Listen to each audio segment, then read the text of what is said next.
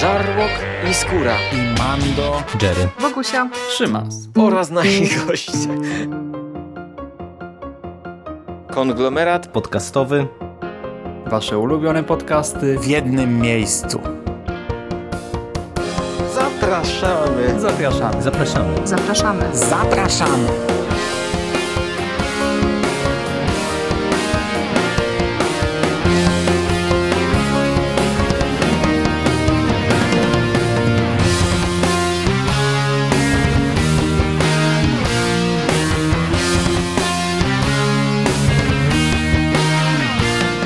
Witamy w konglomeracie podcastowym, czyli na platformie, która zbiera wszystkie wasze ulubione podcasty w jednym miejscu. Po tej stronie mikrofonów ponownie witają się z wami Bogusia Szewczyk, cześć. Cześć Szymon, witam wszystkich słuchaczy. Dzisiaj sobie polatamy. Tak, i Szymon Szymas-Cieśliński, czyli ja, witamy również. Polatamy sobie, bo spotykamy się w obiecanym ostatnio podcaście o locie nad kukułczym gniazdem. Drugim podcaście z takiego naszego mini cyklu tym razem skupimy się na filmie. Książkę już omówiliśmy. Jeżeli nie słuchaliście jeszcze tamtej audycji, to serdecznie polecamy.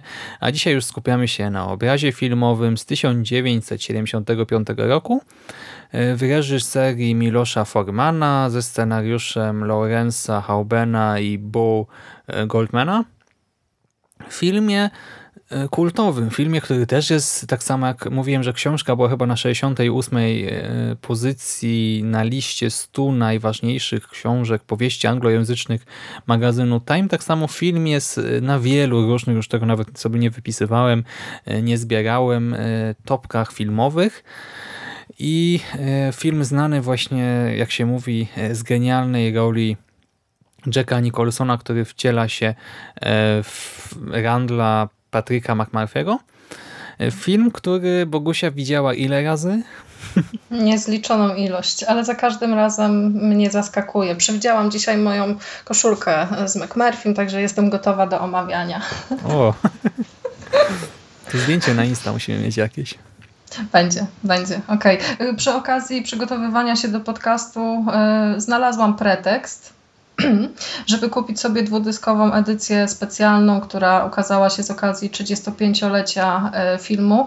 Nie udało mi się obejrzeć wszystkich materiałów, bo jest ona rzeczywiście napakowana dodatkami, ale myślę, że e, kilka ciekawostek uda mi się tutaj e, przytoczyć. Kilka zaskakujących informacji. Ja byłam zaskoczona. To bardzo dobrze, bo e, znowu sytuacja jest podobna jak przy tej naszej rozmowie o książce, że ja wypowiadam się z perspektywy osoby, która poznała ten film dosłownie kilka dni temu, z perspektywy tego nagrania. Jestem na świeżo po pierwszym e, pełnym seansie i o tym wspominałem w kinie, ostatnio. W kinie, jak to możliwe? Kurczę, zazdroszczę bardzo tego seansu. Jeśli będę miała kiedyś okazję zobaczyć lot nad kukułczym gniazdem w kinie, to nie zawaham się ani sekundy. Po prostu to musi być e, coś magicznego. Opowiedz trochę o tym seansie. E, no, właśnie ja w ogóle powiem, jak do tego doszło, bo e, mamy w Łodzi Transatlantyk, o którym zresztą też e, chyba już był u nas. Nie wiem, kiedy te podcasty dokładnie polecą, ale brałem udział w relacji dla Cinema Podcastu z tego festiwalu, więc tam możecie usłyszeć więcej o, o samej imprezie. I ja w tym roku się tak nastawiłem bardziej na dzieła nowe. Tak chciałem raczej ominąć retrospektywy, miałem dość konkretne wymagania co do doboru filmów. No i zobaczyłem ten lot nad kukułczym gniazdem, w ogóle taką mini retrospektywę Milosza Formana, bo reżyser zmarł w tym roku w kwietniu mhm. bodajże i w związku z tym postanowiono e, pokazać kilka jego filmów, te najważniejsze, czy najważniejsze, no, Amadeusza, Skandalistę Larry'ego Flinta i właśnie Lot nad kukułczym gniazdem. I e, ja ten film kojarzyłem oczywiście, no bo wszyscy, nie wiem, no tytuł chyba wszyscy kojarzą, tak jakieś mikroscenki, nie wiem, e, McMurphy'ego na jakichś tam skinach z filmu praktycznie każdy pewnie ma gdzieś tam z tyłu głowy w świadomości, ale całego obrazu nigdy nie było mi dano obejrzeć. Tak pomyślałem sobie, kurczę, no jak nie teraz, to kiedy? Nigdy, nie? Mówię, jest mhm. okazja w kinie. Wybrałem się i e, to wygląda tak na festiwalach często, że część sali jest zarezerwowana nie dla akredytacji, dla prasy, mediów, e, gości. I tutaj też jak byłem e, kupić sobie bilety, to ta sala była tak w miarę zapełniona. Ostatecznie na seansie, znaczy to też nie są wielkie sale u nas w Multikinie, gdzie się odbywał festiwal, e, ale było niewiele osób, raptem ze 30. E, do O. tego, żeby było zabawnie, ja siedziałem w lewym górnym rogu sali i obok mnie siedziała kobieta, a dalej był wiesz, rząd pusty całkowicie. Ale z drugiej strony to było też o tyle ciekawe przeżycie, że Kameralny pokaz trochę. to tak, to jest jedna rzecz. E, Wiesz, nikt nie przeszkadzał, bo ci, co przyszli, byli zainteresowani filmem. E, Do tego, e, znaczy teraz ja się z tego śmieję, nie? ale w trakcie seansu, jakby ktoś to obserwował, to, to musiało wyglądać ciekawie, bo ja przeżywałem bardzo ten film. Nie miałem wiele scen jakiegoś tam wzruszenia właśnie, gdzie, nie wiem, zaciskałem pięści, gdzie łzy mi leciały po polikach, a pani obok mnie tak samo. Znaczy, ona inaczej reagowała fizycznie, w sensie innymi gestami, tak, inne dźwięki wydawała może czy coś, ale też było widać, że po prostu przeżywa całą sobą ten seans i no to było pod tym kątem niesamowite przeżycie. E, Też mm, ja nie wiem, z czego był puszczany ten film, ale jakość obrazu była bardzo dobra, dźwięku też i no bardzo się cieszę, tak, że mi się udało jeszcze w takich warunkach, e, no to było doświadczenie jakieś, tak, nie tylko zwyczajny kolejny seans, a coś ciutkę więcej. Jak Szymas napisał do mnie SMS-a y, krótko chyba po seansie, bo poprosiłam go. Zaraz jak- po wyjściu z sali chyba. A, to, to, to, a, aż tak. Napisał mi, że y, film go wzruszył i oczywiście ponownie popłakał się y, po, podczas oglądania, oglądania filmu. To zaczęłam się zastanawiać, rany, na której scenie tam Szymas y, się rozpłakał, także na pewno cię o to zapytam. Mhm, a ja ci wtedy nawet odpisałem, ale zanim właśnie do konkretnych scen, przypomnijmy, tak, że Lot nad kukułczym gniazdem, jeżeli ktoś nie słuchał podcastu o książce albo w ogóle naprawdę stoi pierwszy raz tak się z tym tytułem jakoś tak bliżej, to to historia właśnie Randla Patryka McMurphy'ego, jak mówi dystrybutor, złodzieja, szulera i chuligana, który by uniknąć więzienia, udaje niepoczytalność, trafia do szpitala dla umysłowo chorych, gdzie twardą ręką rządzi siostra Ratchet. Czyli mamy właśnie bezpośrednie przeniesienie tej historii z powieści pojawia się w szpitalu psychiatrycznym e, kontrolowanym przez troszkę apodyktyczną, władczą i niekoniecznie sympatyczną e, siostrę przełożoną, mężczyzna, który wyróżnia się właśnie tą żywiołowością, złodziej, szuler, chuligan. Tak? No to już wiemy, że nie będzie siedział cicho, nie będzie mm, nie wiem, się zlewał ze ścianami, tylko jakoś tam wpłynie na tę szarą, codzienną rzeczywistość szpitalną, no i tak też się dzieje. No i właśnie film jest dosyć wierną adaptacją książki, co nie?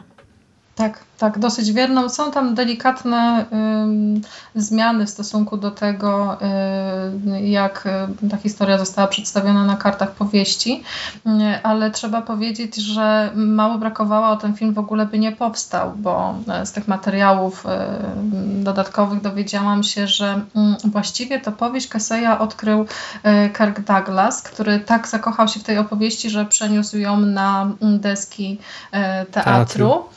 Tak, a y, i od zawsze właściwie chciał, żeby ta historia ujrzała, że- żeby tę historię poznał szerszy krąg y, widzów, do tego stopnia, że zdecydował się zrobić film, ale oczywiście jak w przypadku y, takich wyjątkowych dzieł, czasami y, ta droga nie jest usłana różami, a wręcz y, problemy kolejne się piętrzą i koniec końców mm, Film powstał, ale mm, za sprawą syna e, Kerka, Michaela Douglasa, którego właściwie upór e, i też zakochanie pewne w tej, w tej historii doprowadziły do tego, że, e, że, że ten film w ogóle, w ogóle powstał.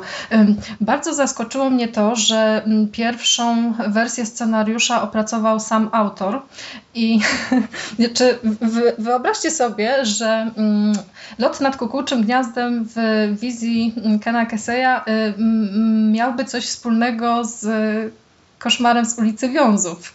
Już wyjaśniam o co chodzi. Otóż w jednej ze scen autor w ogóle wydumał sobie, że ym, film ten będzie przypominał y, bardziej gabinet doktora Caligari, czyli takie właśnie odrealnione, y, magiczne światy.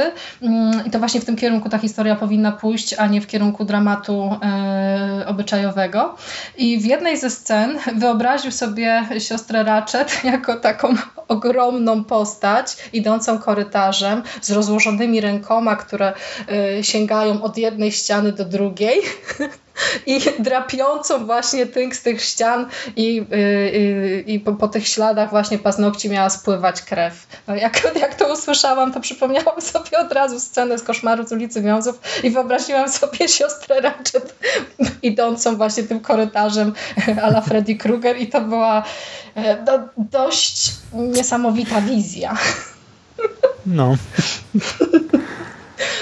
Poza tym y, trzeba też powiedzieć, że Wielu było mm, aktorów, którzy mm, mogliby zagrać postać McMurphy'ego, ale te role odrzucili, bo mm, pierwszy wybór to właściwie był Marlon, Marlon Brando. Reżyserowi podobał się także Bart Reynolds, ale koniec końców Jack Nicholson y, skradł y, serce Formana i do, do tego stopnia, że zaczekali na niego, bo w chwili, kiedy podpisywał kontrakt, był w trakcie pracy nad innym inną, mm, inną produkcją. No i dobrze się stało, bo Jack Nicholson w tym filmie jest rzeczywiście, no, to jest genialna kreacja. Y, jest, on się staje McMurphym. Hmm. O czym chyba zaraz po, po, porozmawiamy, jak już będziemy trochę mówić o fabule i o e, innych kreacjach z tej, z, z, tak, tego filmu. ten 74-75 e, rok był dość aktywny dla Nicholsona, bo on wtedy i w Chinatown, mhm. i w Zawód Reporter, i w Tomim, i właśnie w Locie, i w Fortunie zagrał, tak. więc no dobrze, że na niego poczekali. Ta jego rola, znaczy okej, okay, wiadomo, że to jest tylko agregat, ale na Filmwebie w rolach męskich to jest dziesiąta pozycja w top wszystkich ról męskich, nie? W historii kina, więc yy, ciekawe, nie? Że właśnie akurat ta.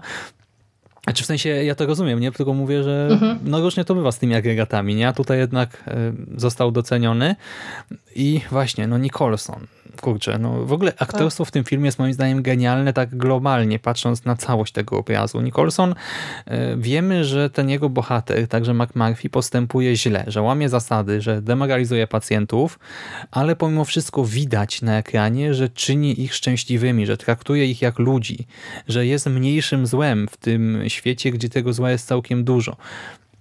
I pod tym kątem, tak jak ja to chwaliłem nie przy książce, nie, że McMurphy można go lubić, można go nie lubić, że ostatecznie moim zdaniem jest stricte pozytywną postacią, ale jest taką jednostką, która też ma wady i to tutaj w, w filmie też bardzo mocno czuć, ale jako to mniejsze zło, no, nie da się z nim nie sympatyzować. I my wiemy, że yy, Znowu, klinika niby y, na pierwszy rzut oka wygląda tak w miarę okay, tak normalnie, ale czuć to napięcie. Kurczę, jakie napięcie ja tutaj czułem w różnych scenach. Przecież to jest y, cały ten szpital psychiatryczny, to jest tykająca bomba. Balon, który, taki balon, który się rozrasta, w którym rośnie ciśnienie i nawet nie chodzi o to, że się zbliża szpilka, my po prostu czujemy, że ta, ta guma nie wytrzyma, że to zaraz pęknie. Y, to ograniczenie wolności i praw pacjentów, tak? no to, to się musi skończyć jakimś buntem, jakąś tragedią. Patrzymy na te różne jednostki tam. E, tutaj no, mamy też pod kątem aktorów e, z jednej strony, nie wiem, Christophera Lloyda, z drugiej strony Toniego DeVito, Brada Doriffa, Sydneya Lasika mhm. i kilka innych osób, nie wiem, Williama Redfielda i my widzimy po nich e, właśnie to, że to napięcie wzrasta, nie? Albo e, przez to, że ci bohaterowie są sfrustrowani, albo znowu zobojętnieni, apatyczni, ale w obu przypadkach, kurczę, nie da się tutaj nie empatyzować, ja mam wrażenie i e, czujemy, że właśnie w takich warunkach oni nie wyzdrowieją i że to wszystko musi w końcu tak eskalować, że wydarzy się coś wielkiego. Ja oczywiście wiedziałem, do czego to prowadzi, no bo byłem na świeżo po książce, chociaż też nie miałem pewności, czy wiesz, czy film będzie aż tak mocno wierny, jak rzeczywiście jest, ale naprawdę no, wciągnąłem się całkowicie i emocje, e, właśnie mówisz o tym płakaniu, o wzruszeniu, e, to dla mnie już sekwencje pierwsze na boisku, ja ci o tym pisałem, może nie pamiętasz, ale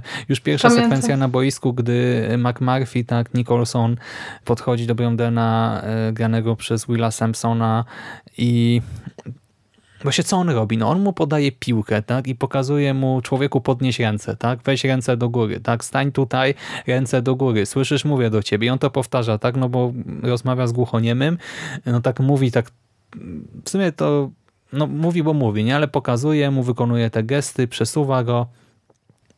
Ktoś mógłby powiedzieć, że to też jest trochę takie mm, no, traktuje go jak właśnie takie wielkie dziecko, no jak właśnie opóźnionego w rozwoju czy coś, ale z drugiej strony traktuje go jak człowieka, w ogóle traktuje go jak kogoś, tak o tym też mówiliśmy przy książce dużo, nie?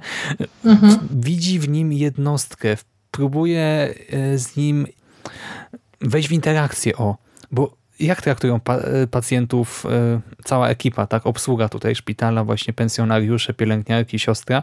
Ci, którzy są warzywami, tak? którzy są chronikami, którzy są przypięci do wózka, czy e, tak jak Brądek trzymają się z boku, no są ignorowani. Oni po prostu sobie egzystują. Gdzieś tam są, stoją pod ścianą i tyle. Nikt z nimi nie rozmawia, nikt z nimi nie prowadzi żadnej terapii, w ogóle żadnych zajęć. Oni egzystują w takiej pustce i to jest przerażające. Już kit z tą uniformizacją, czy coś, ale oni są tutaj zupełnie, oni są poza marginesem e, społeczeństwa przez to, że są w tym szpitalu, a w tym szpitalu też są poza marginesem wszystkiego. Oni są, no oni mogliby być obrazami na ścianach, kurde i mamy tego Marfiego, tego Nicholsona, który no jest takim trochę cwaniaczkiem i tak w sumie tak podchodzi do właśnie naszego Indianina, w sumie nie wiemy z jakimi zamiarami, ale kurczę, traktuje go jak jednostkę i to już po prostu mną tak wstrząsnęło. Taka prosta w sumie niby, wiesz, niby nic, a mocne przeżycie już, już w tym momencie. A gdy potem mamy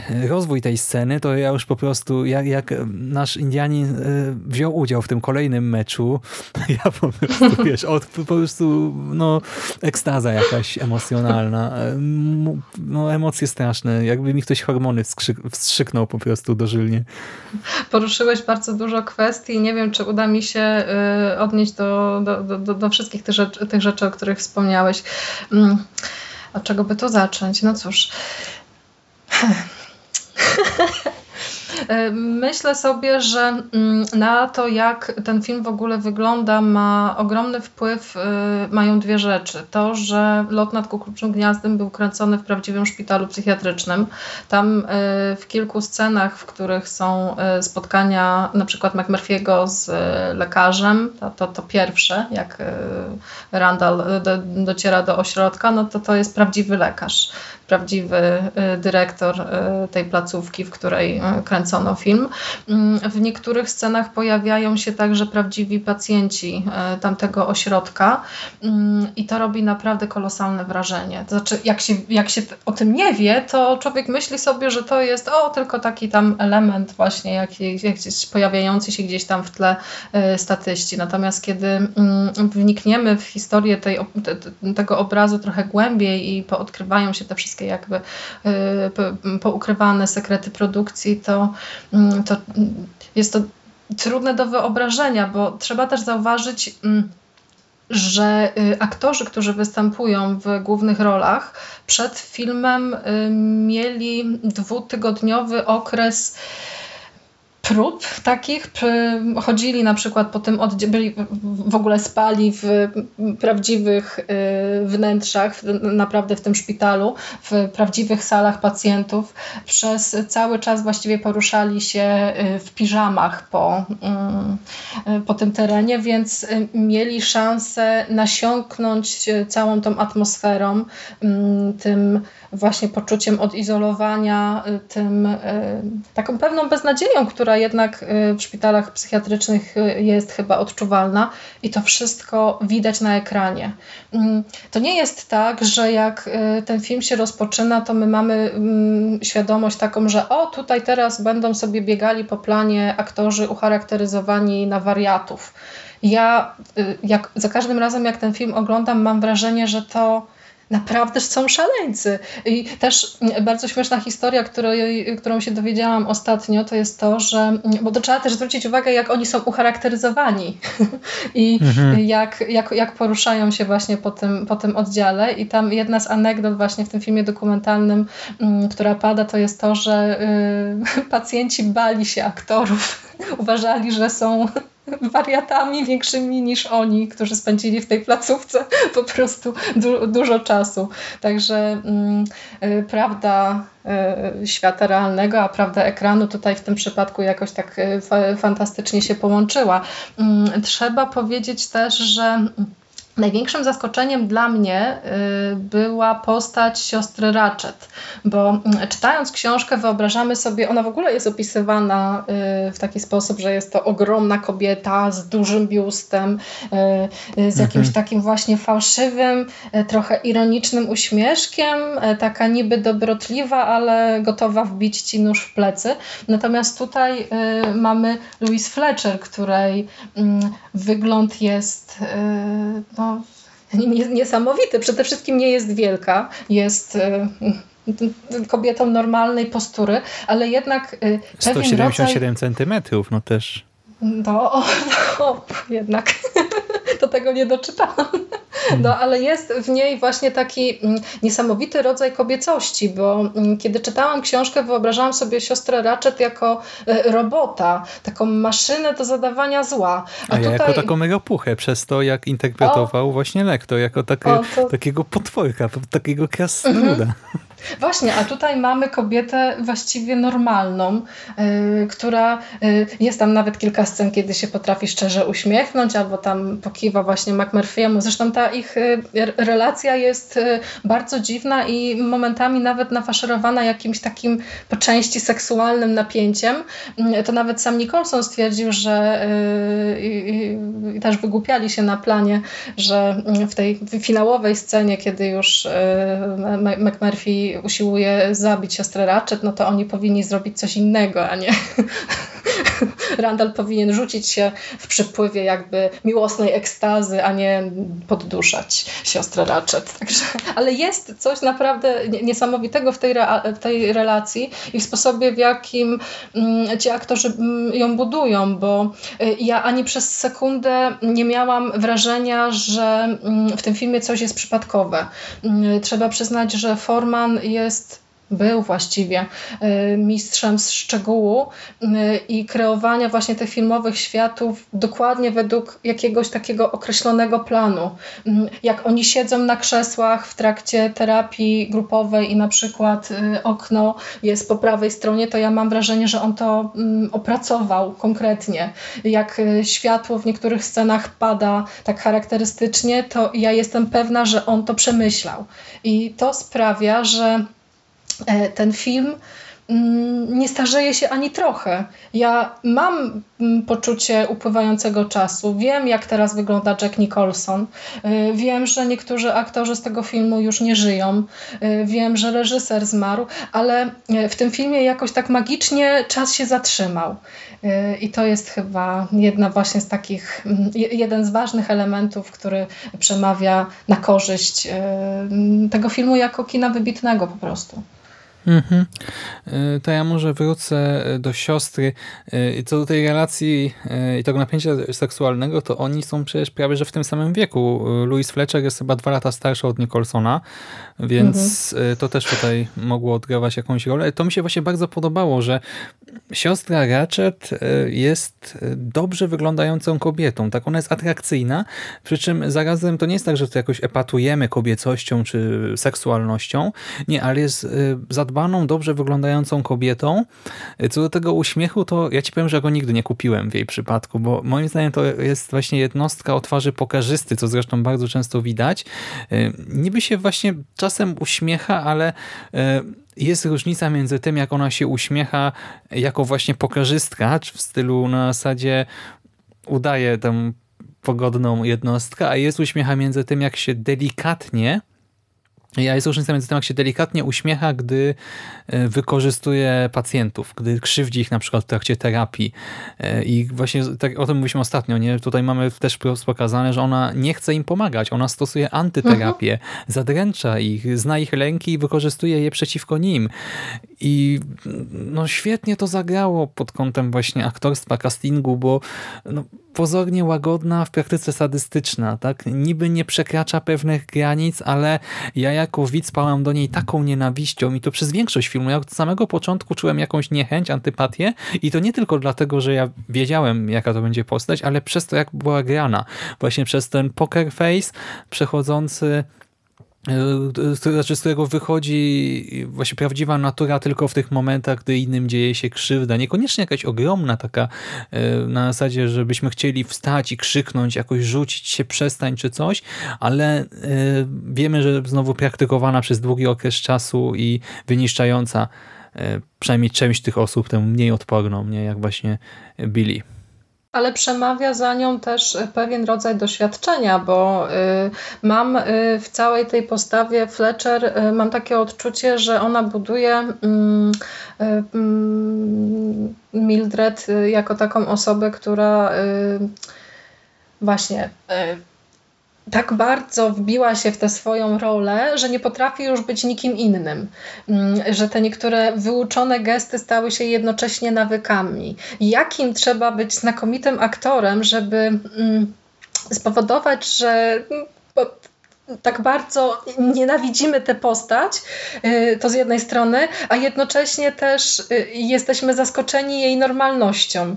Y, w podobny sposób też zagrał Nicholson, bo jest w tym filmie kilka scen, które po prostu za każdym razem, jak ten film oglądam, to, to zwalają mnie z nóg. Scena, która zawsze przychodzi mi do głowy, kiedy myślę o tym filmie, i ona pojawia się w różnych sytuacjach, mm, bo to podobnie jak książka, tak samo film Formana wżera się w duszę. Dosłownie. Te, te, tego się nie zapomni. Mm, I czasami bywa tak, że kiedy mm, jestem w jakimś takim złym momencie życia, jestem zła albo zniechęcona, to zawsze przypominam sobie scenę, mm, kiedy oni grają w Monopol w tym gabinecie do hydroterapii. I tam McMurphy mówi, że. Mm, Y, tutaj wy jesteście w ogóle mm, tacy nieudolni, a my z Cheswickiem pójdziemy sobie, to zaraz podniosę tę konsolę, wywalę okno i pójdziemy sobie do baru obejrzeć mecz. I oni go tam prowokują, że tu, tu nie dasz rady, bo ta konsola jest przecież znaczy, taka oni ciężka. nie tyle go prowokują, oni tylko mówią tam, wprost, no mówią, że to się nie uda, nie dasz tak, rady. Cheswick przecież, który jest z nim i ogólnie popiera go we wszystkim, mówi, ale słuchaj, oni wiedzą, że nie, nie da się, bo tu są te kraty i mm -hmm. oni, nie, oni, słuchaj, to jest, tego nikt, tego byśmy wszyscy nie podnieśli tak? Tego żaden mm. człowiek nie podniesie, tak? On mu chce dobrze, to właśnie nie jest prowokacja, tylko oni po prostu wiedzą, że nie, nie, nie da się, tak? I traktują jego trochę jak wariata. To też jest ciekawe, nie? Że ludzie, którzy tak. są nie do końca Szaleńcały. zrównoważeni, traktują y, względnie normalnego gościa jako wariata w tej scenie. tak, ale McMurphy koniec końców próbuje, wysila się bardzo mocno, ale ta ciężka kon konsola ani drgnie. I tam y, y, finałem tej sceny jest moment, kiedy y, Nicholson wychodzi z tego gabinetu i, i oni mu mówią, że no widzisz, no, dostrzegaliśmy, a on odwraca się z, taką, z takim dziwnym wyrazem twarzy i, i, i właśnie takim buntowniczym głosem mówi, że ale ja do cholery spróbowałem.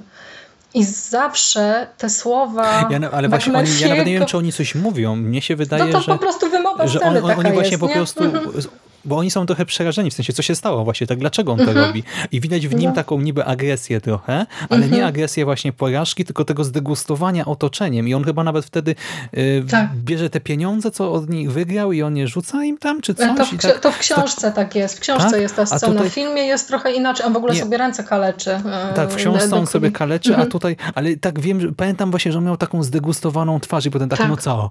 Tak właśnie, właśnie krzyknął trochę, nie? Na, na niej tak spróbowałem i wychodzi po prostu, a oni milczą mam wrażenie potem tak właśnie, że widać, że do nich dociera.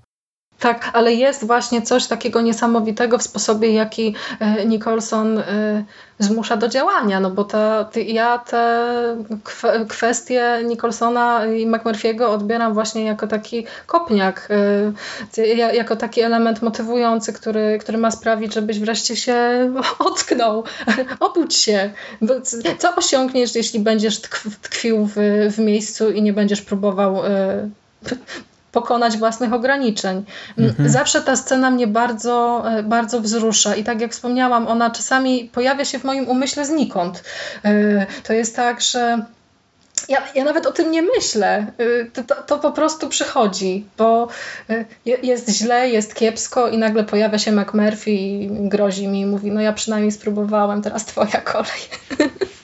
Hmm. No, ale... odnośnie tych od, osobistych bardziej, e, bardziej odczuć. Mhm, przy czym znaczy, mnie to właśnie nie tyle wzruszyło, co tak naspidowało, nie? To była taka mhm. dawka adrenaliny dodatkowa, e, mhm. a najbardziej, mnie w pamięć najbardziej zapadają, tak poruszają te sekwencje, gdzie on wprowadza te, te, te odrobinę życia, świeżości do tej szarej e, szpitalnej rzeczywistości. No oczywiście najlepszym przykładem jest wyprawa na ryby, tak? Jako ta cała długa sekwencja, mhm. ale te wspominane przeze mnie scenki na boisku, chociaż dużo mniejsze, bardziej kameralne, e, mniej widowiskowe może, to no, ten koszt jest coś, co ja zapamiętam do końca życia, bo tam nawet widać, nie, że właśnie nikt się nie przejmuje tymi pacjentami, nikt się nimi cały czas nie zajmuje, a on nawet, bo to też no McMurphy jest specyficzną jednostką, tak? Jest tym właśnie szulerem, oszustem, e, rudzielcem e, żywiołowym. W książ- tak, znaczy to i to jest żywiołowy, nie? No tam właśnie ten ludzie jest tutaj w sumie niekoniecznie, ale nawet jeżeli on jest kpiarski, jeżeli się odnosi do innych trochę z taką e, wyższością, to nadal w tym wszystkim jest sympatia. W sensie to nie jest tak, że go mamy za jakiegoś takiego nadętego bubka, i że odczuwamy właśnie przez to jakąś antypatię. Nie personel odnosi się do podopiecznych z pogardą. My nie jesteśmy w stanie tego zaakceptować. E, sanitariusze i pielęgniarki nie widzą w tych ludziach właśnie ludzi, tak? E, nie widzą ich e, potrzeb, nawet tych takich najniższych, kurczę. Nie widzą ich emocji. Pacjenci muszą się zajmować sami sobą, co jest no, przerażające, bo to jest, kurczę, to właśnie nie jest, nawet w więzieniu, kurczę, są właśnie jakieś terapie, pogadanki, nie wiem, interakcje, gry, nie wiem, warsztaty manualne czy coś, a ci tutaj są pozostawieni sami sobie. I jeszcze jak masz e, te osoby przykute do wózków, do łóżek czy coś, to jeszcze tak tego nie mhm. czuć, nie? Ale Bronden przecież po prostu jest głuchoniemy, no to można z nim robić nadal dużo rzeczy przecież, ale nie, on jest po prostu traktowany w najlepszym przypadku jak powietrze i mnie to tak bolało przez cały seans, bo w książce, że tak tego nie czuć, właśnie największa różnica z książką to jest brak narratora, tak? Fakt, że my nie tak. obserwujemy akcji oczami bohatera, nie ma głosu z offu, tylko po prostu obserwujemy to przez e, oko kamery ustawionej zupełnie z boku, e, ale Bronden jest też tą właśnie zamkniętą w sobie postacią, która wierzy w Matrixa, w, kom, w kombinat, chciałem powiedzieć w konglomerat. Konglomerat. Tak, e, ale jest no właśnie ucieka z jednej strony sam w głąb siebie, ale też nikt nie wyciąga do niego ręki, nikt poza McMurphy. Nawet, e, bo w książce też pada, że inni bohaterowie mówią zostaw go, bo on i tak nie słyszy, nie mówi ani nic, nie? Ale tak. to jest właśnie tak na zasadzie, to jest normą w tym szpitalu, tak? To nie jest tak, że ci ludzie są źli, tylko tak ich przyzwyczaiły realia zakładu. A jak powiedzieliśmy też przy okazji rozmowy o książce, wódz jest przecież ważnym, ważną postacią, ale też ważnym symbolem. Nie jest właśnie Indianinem, symbolem wolności USA, rdzennym mieszkańcem tych ziem, na których stoi ten cholerny szpital, tak, do tego symbolem buntu i symbolem siły, człowiekiem o ogromnym, e, umieśnionym, żywym ciele i no i to Zostańmy... tym bardziej, kurczę. No. Tak, zostańmy na chwilę przy postaci wodza, bo trzeba, chcia, chciałabym powiedzieć, że Will Sampson, który y, odtwarza postać wodza Szczoty, y, też y, bardzo długo szukano y, aktora, który mógłby się pojawić na, na ekranie jako właśnie ta postać. Y, i oni tam żartowali, że, bo, to, to były takie czasy, że mm, nie dawano, się, nie, nie dawano ogłoszeń w prasie poszukiwany dwumetrowy Indianin i nagle pojawiała się grupa ludzi, które y, spośród których można było wybierać. To, że on y, objawił się właściwie było kwestią przypadku, y, ale to był rzeczywiście bardzo wielki mężczyzna. Tam jedną z anegdot jest to, że w momencie, kiedy przewozili go z jednego miejsca w drugie awionetką, takim małym samolocikiem, to mieli problem z wystartowaniem. Taki był ciężki i ta, ta jego postura, jak stał wyprostowany, to był prawie wielkości, prawie wielkości tego samolotu. Jest kilka scen, które zostały zostały wycięte z mm, tej mm, wersji filmu, którą mamy okazję mm, oglądać, czy to w kinie, czy na DVD. I myślę, że dobrze się stało, ponieważ y, w książce jest kilka takich momentów, kiedy wódz mówi o tym, jak bardzo boi się świata i jak bardzo gnębią go ci e, czarni sanitariusze. E, Forman przygotował również takie sceny, mm, e, jak zostaje wódz zaszczuty przez sanitariuszy na korytarzu i taka scena z goleniem, która też w książce się pojawia. Dobrze, że je wycięto, ponieważ one stawiają y, tę postać od razu mm, w takim punkcie osoby przegranej. Widzimy rzeczywiście takiego przeraża, przerażonego człowieka. Y, natomiast to, jak ten film w, w, w, tej końcowej warstwie został zmontowany, no to jakoś tak od samego początku y, widzimy, że on jest takim właśnie wielkim facetem, który może sobie poradzić ze wszystkim. I to wpływa też bardziej wiarygodnie na to, jak cała ta historia się kończy i, i, i na to, że wódz w efekcie ucieka. E, tak taka konstrukcja postaci po prostu do mnie bardziej przemawia i jest fenomenalna scena, jak on spaceruje właśnie po tym boisku, taki właśnie dystyngowany Indianin z tym stoickim spokojem i z takim fajnym uśmiechem też. Mhm, I też e, no, no, sympatycznie wygląda, ale ogólnie e, obsada tutaj aktorska sprawdza się bardzo dobrze, bo mamy pacjentów, których darzymy większą sympatią, takich, którzy troszkę nas wkurzają, którzy wydają się być właśnie no, nieszczególnie nie, nie szczególnie sympatycznymi partnerami do spędzenia. Masz na myśli nie, Hardinga, który ciągle się mądrzy i y, używa słów, których inni pacjenci nie rozumieją? Znaczy Harding też, ale... Y, po lewej stronie obok McMurphy'ego, ja nie pamiętam teraz ich imion, y, ten taki strasznie szczupły, z taką pociągłą, wychudzoną twarzą, podkrążonymi oczami na przykład. E, to był Tabor? Nie, to nie był... Mm. mm Tabor. Tak? No, no tak. to na przykład Nie, on... nie, tej, tej, zaczekaj, tej, Tabora grał Christopher, Christopher Lloyd, a ty masz na myśli Fredricksona chyba. E, tak, no. Okay. No właśnie, no to chociaż oni chyba obok siebie siedzieli. w każdym razie, wiesz, no to oni na przykład trochę mniej sympatyczne wrażenie sprawiali, ale właśnie wszyscy byli po prostu ludźmi wrzuconymi w ten system tutaj, nie? I e, wszyscy byli ludźmi pełnymi emocji. E, nie wiem, przecież Martini, Danny, Danny DeVito. Cudowny on jest, kurczę, Danny DeVito. Tak, to jak on Właśnie jak on gra całym się. sobą. Tak, jak po prostu on żyje. W sensie kadr może stać, wszyscy mogą się na chwilę zatrzymać, a ja mam wrażenie, że to jest taka, taki króliczek Duracella, który po prostu tam...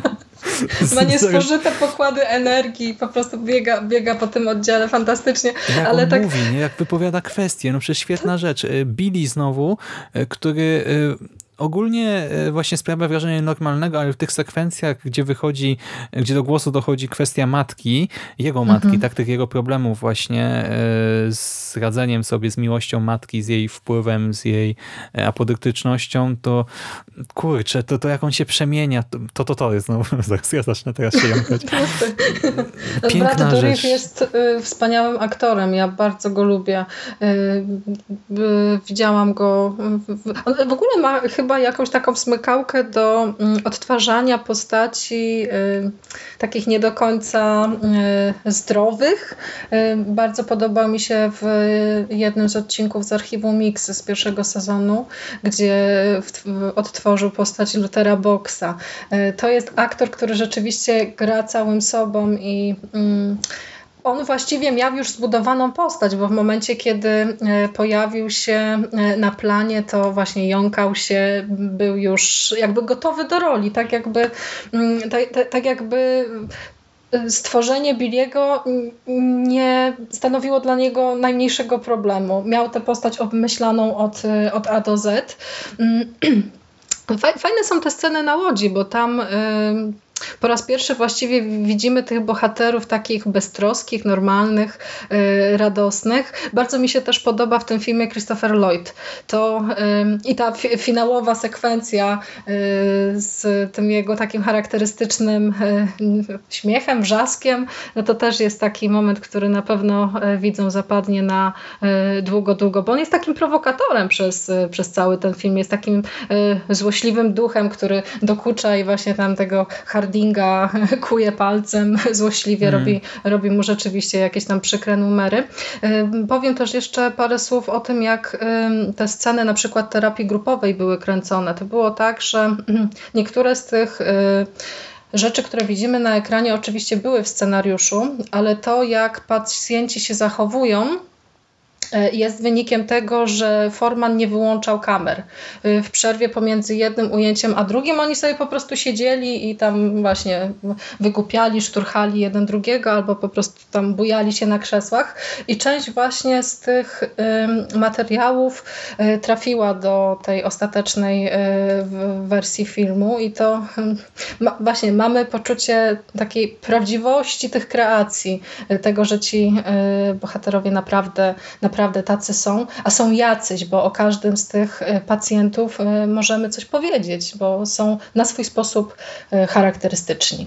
Ja nawet nie wiem, czy nie więcej niż e, w oparciu o książkę. Czy okej, ja miałem tę wersję trochę skróconą i e, wiadomo, też się tak bardzo nie skupiałem na każdym jednym opisie postaci, e, ale tak jak tam te postacie żyły, tak w filmie, e, no to już tak totalnie, nie każda właśnie jest e, bohaterem tak w swoich mikroscenkach. E, Każda jest charakterystyczna, specyficzna, względem każdej odczuwałem konkretne emocje. No, Jak Danny DeVito połykający kostkę albo yy, wodzący wzrokiem za kartami McMurphy'ego właśnie y, Tabor, który robi głupie miny. Yy, Ellis, który też y, pomimo tego, iż jest y, przykuty do ściany, ma jeden fantastyczny, jedną fantastyczną sekwencję na przyjęciu, kiedy karmią go z, z rurki alkoholem. To jest coś po prostu cudownego. Ale mm, jest jeszcze y, w, w tym filmie jedna scena, którą, którą uwielbiam, ubóstwiam. To jest ten moment, kiedy po przegranym głosowaniu McMurphy, Nicholson y, siada przed wyłączonym telewizorem i zaczyna odtwarzać właśnie te y, emocje towarzyszące. Głos komentatora, gdyby. Tak, głos komentatora. To jest po prostu coś cudownego i ci pacjenci, którzy właśnie wychodzą potem z, y, z, tych, swoich, y, z tych swoich pokoi i dołączają się do tego całego właśnie entuzjazmu McMurphy'ego. No, Mhm. kapitalne, coś, coś, coś fenomenalnego. Dwie rzeczy. Jeszcze właśnie co do Hardinga i Redfielda w tej roli, to Harding mi się też bardziej podobał w w filmie niż w książce, y, bo y, znaczy w książce trochę mi przeszkadzał sposób wysławiania się Hardinga. Nie wiem właśnie jak to wyglądało w oryginale, bo nie porównywałem, Tak. ale niektóre dialogi w polskiej wersji językowej wydawały mi się takie trochę e, właśnie jak, jakbym słuchał jakiegoś arystokraty, czy coś takiego, w sensie były takie trochę znaczy nadęte, ale w taki dziwny Ale wiesz, sposób. on taki trochę był, wiesz? Y, Trochę brakuje mi w, w filmie y, sceny, bo w książce jest taki fragment, kiedy McMurphy poznaje tę osławioną żonę Hardinga. Y, Chciałabym mm, zobaczyć, jak ta scena zagrałaby na ekranie, bo y, Harding miał właśnie problemy z zazdrością i te mm, jakieś tam ukradkowe spojrzenia McMurphy'ego, który, no umówmy się, e, hmm, walory płci pięknej potrafił docenić, no to, to mogłoby dać aktorom e, fantastyczne pole do, e, do, do, do pokazania właśnie całej, całej gamy emocji, ale wpadłam ci w słowo, sorry.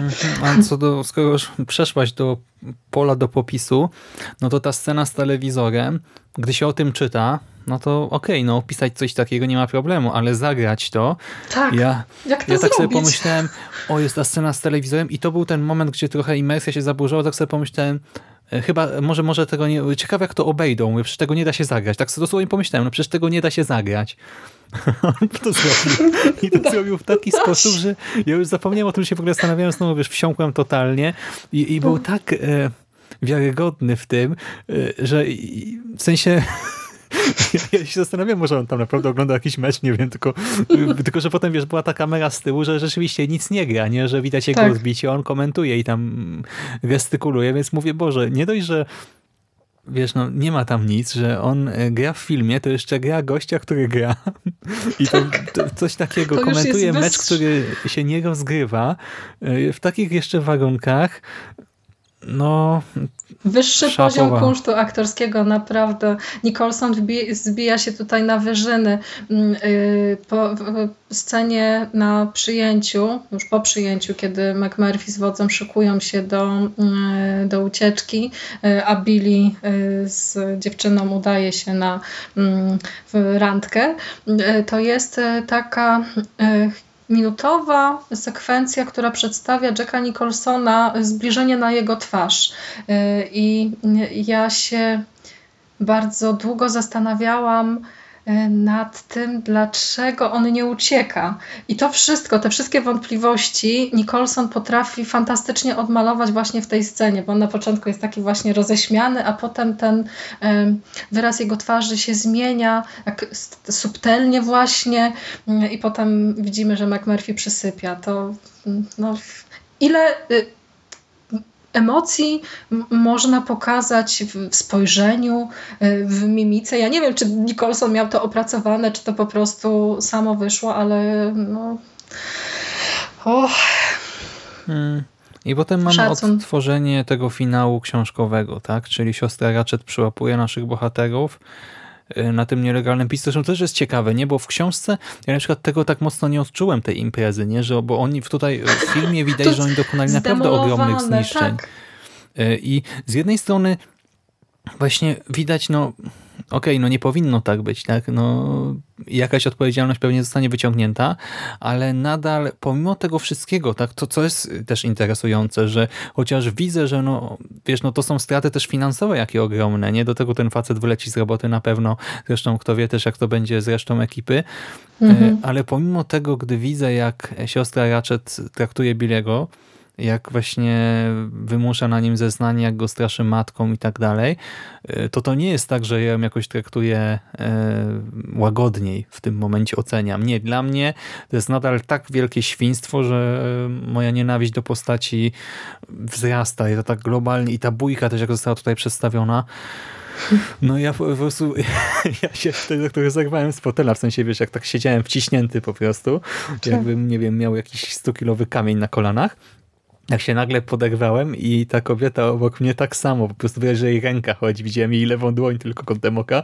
i było widać, że po prostu nerwicy dostała w tym momencie, że w ogóle przez, wiesz, całą tę sekwencję była znerwicowana w tym momencie, już też chciała się rzucić na kobietę i Ach, no i potem znowu powtórka właśnie z książki, czyli właśnie ta bardzo emocjonująca sekwencja, jedna y, z Ratchet, druga z Billim, trzecia właśnie ze śmiercią Billego, czwarta z atakiem y, McMurphy'ego na Ratchet, potem piąta y, z tymi plotkami z piętra wyżej, tak, czy McMurphy uciekł, czy nie, szósta, gdy McMurphy objawia się jako to warzywo i to jest tutaj ciekawe, że inni bohaterowie go nie widzieli tutaj, nie, że tutaj tylko gdyby wódz doświadcza tego, co się z nim Tak. stało, ale to nadal boli strasznie i niby jakby mi ktoś coś opowiadał, nie, to bym pomyślał, że to chyba za szybko się wydarzyło, ale jednak w filmie to gra, to, to tempo, że on po prostu widzi go i bardzo szybko ocenia, tak, to nie jest McMurphy, to to, to nie jest człowiek, z którym chcia, miałem, znaczy chciałem, miałem uciec, tak?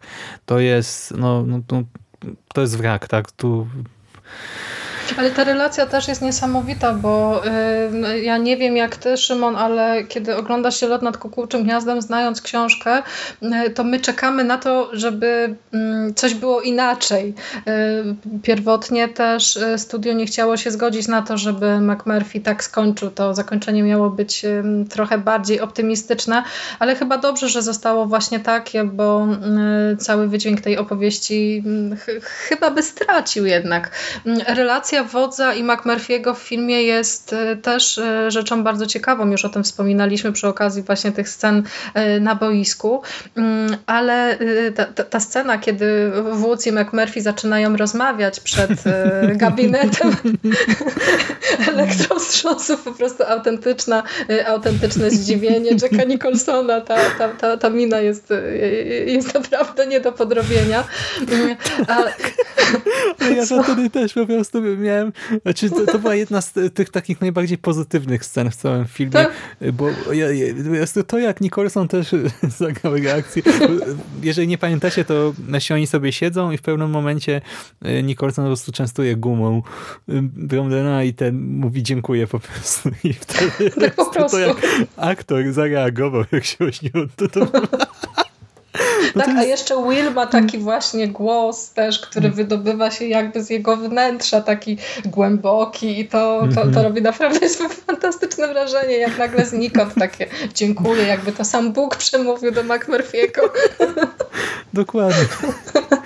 A potem właśnie ta, y, ta, ta finałowa scena, kiedy, mm, kiedy wódz dusi McMurphy'ego poduszką i, i, i to ostatnie y, słowo, które I ciało walczy, które to mówi też było do... istotne tutaj, że Tak, jego ciało, bo tak. w książce nie wiem, czy to było, ale tutaj było widać, że y, Mhm. ciało, które jest tylko już y, tą muszlą, nie wiem jak to ująć, no, tą, tą formą bez treści, walczy i to no też było przerażające, bo właśnie takie wręcz horrorowe. No. Właśnie, ale to nie jest tak, że patrzymy na brutalną scenę zabójstwa. My patrzymy na y, jedyny sposób ucieczki z tamtego miejsca, który McMurphy mógł Uzyskać. uzyskać, dokładnie. I mm, ta o, o, ostatnia scena, kiedy wódz wyrywa konsolę w gabinecie hydroterapii, wybija okno i, i, i ucieka, no to, to jest po prostu...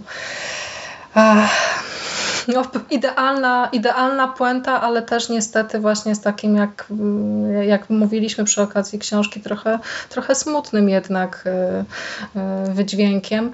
Chociaż ja z, po, po, kolejnych seansach tego filmu zaczęłam zastanawiać się nad inną rzeczą też trochę, bo skoro już wódz wyważył, y, to znaczy wybił tę szybę, y, przetarł szlak, to jestem ciekawa, czy któryś z pacjentów też odważył się pójść y, w jego ślady, no bo tam ten wybuch euforii na, na, na oddziale jest y, raczej mm, dość czytelną sceną, więc może, może Tabor na przykład po, po, poderwał się te, po, te, po tej chwili radości i, i wybiegł za nim i też spróbował szczęścia poza murami. Kto to wie? Może tylko, że nadal, tak jak mówiliśmy ostatnio, kurczę, no to jest jednak y, starszy już, znaczy starszy, no stosunkowo tak starszy facet, pozbawiony grosza przy duszy, rodziny, przyjaciół, bohater, który spędził pół życia w niewoli. No jak on sobie poradzi na tej wolności? To kurde, to jest tak dołujące, no. Ale wiesz, to jest też taki ostatni sprawiedliwy, bo ten y, kadr, kiedy widzimy wodza y, po raz ostatni, właściwie jego, jego pierwsze y, sekundy na wolności odchodzącego właśnie w tym pięknym, takim dzikim krajobrazie z przebłyskami wschodzącego słońca, no to to jest właśnie takie coś westernowe, że, że może jednak ten, ten jeden ostatni sprawiedliwy podąży swoją drogą i odnajdzie szczęście. Ja bym chciała, chciała w to wierzyć, chociaż y, muszę przyznać, że mm, y, lot nad kukułczym gniazdem w, tym, w tej filmowej odsłonie y, zawsze mnie wzrusza. Zawsze są y, te, te niektóre sceny, które no, wyciskają mi łzy z, z oczu, nawet jak sobie obiecuję tym razem, oglądasz ten film po raz 30, no bądźżesz twarda, patrz, nie płacz, nie wolno ci płakać, a i tak wszystko kończy się wiadomo, wiadomo jak. No Kasus Zielonej Mili, no możesz oglądać. Kasy z zielonej mili. Znaczy wiesz, no ja to mówię na tamtym przykładzie, bo ja Zieloną Milę też oglądałem wiele razy i za każdym razem przeżywam to jak, jak, jak szalony, jakby mi ktoś właśnie wstrzyknął jakieś wzmacniacze emocji. Agresja, smutek, żal, euforia, po prostu tak silne, że to się głównie... I tutaj właśnie też. Mm. Jesteśmy w stanie jeszcze coś powiedzieć o tym filmie, oprócz tego, że oczywiście gorąco polecamy? Chyba już powiedzieliśmy wszystko. No Tak, tak wielkie, wydaje. ale trochę smutne w wydźwięku, trochę przygnębiające dzieło. Mhm. A szukałeś różnic, jak oglądałeś to tak, y, myślałeś sobie, o teraz powinna być taka scena, wyłapywałeś, bo y, y, y, nie wiem na ile ta wersja skrócona jest rzeczywiście pozbawiona jakichś tam e, ważnych momentów. Zauważałeś różnicę pomiędzy książką a tym, co Miloš Forman y, zrobił? To, co było w mojej wersji, w większości się pojawiło, przy czym e, było wiadomo, że po prostu na potrzeby języka filmowego e, trochę inaczej pokazano niektóre rzeczy. Nie wiem, no właśnie ta wycieczka na ryby troszkę Mhm. Tak w sensie to, w jaki sposób McMurphy tam z nimi się Znaczy- wybrał, tak? No to, że to zostało skrócone, ale ja to rozumiem, bo Tak. też bez sensu było niektóre rzeczy rozciągać. no. Przedłużać, tak. No. Tak, on to bardzo, ba, bardzo mocno skondensował i jednocześnie bardzo cieszę się, że ten pierwotny pomysł y, autora nie doszedł do skutku, bo jeśli y, lot nad kukułczym gniazdem zostałby zrobiony y, trochę właśnie jako kino takie fantastyczne, w sensie z jakimiś takimi elementami y, ekspresjonizmu, chociażby niemieckiego, y, no to myślę sobie, że ta historia nie wybrzmiałaby w taki sposób. To, że jest ona zrobiona y, w sposób realny, w taki, że mm, mamy wrażenie, że jesteśmy w tym świecie i że tak jest, no to to dodatkowo wzmacnia wymowę całości. Hmm. I No już. dobrze. To poświęciliśmy dwie godziny teraz. O, dyktafon bym wyleciał.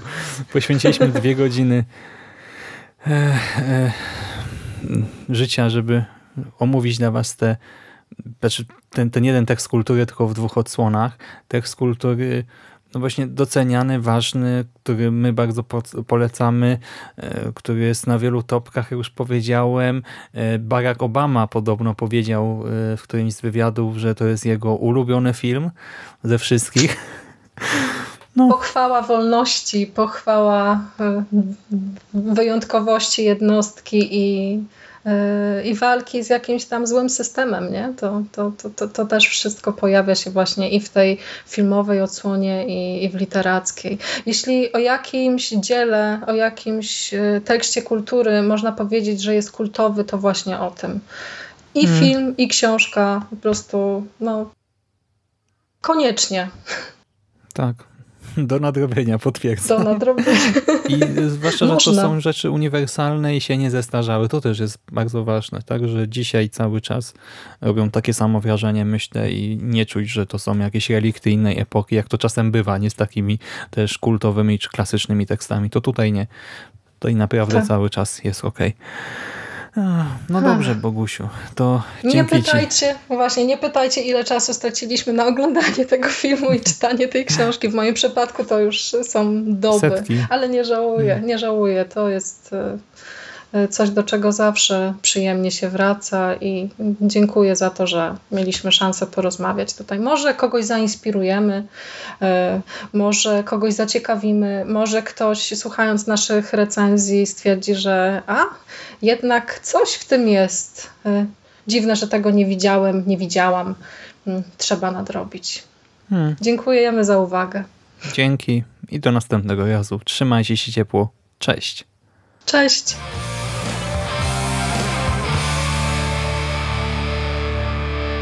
You finished? That's it, man. Game over, man. It's game over. What the fuck are we gonna do now? What are we gonna do? It's over.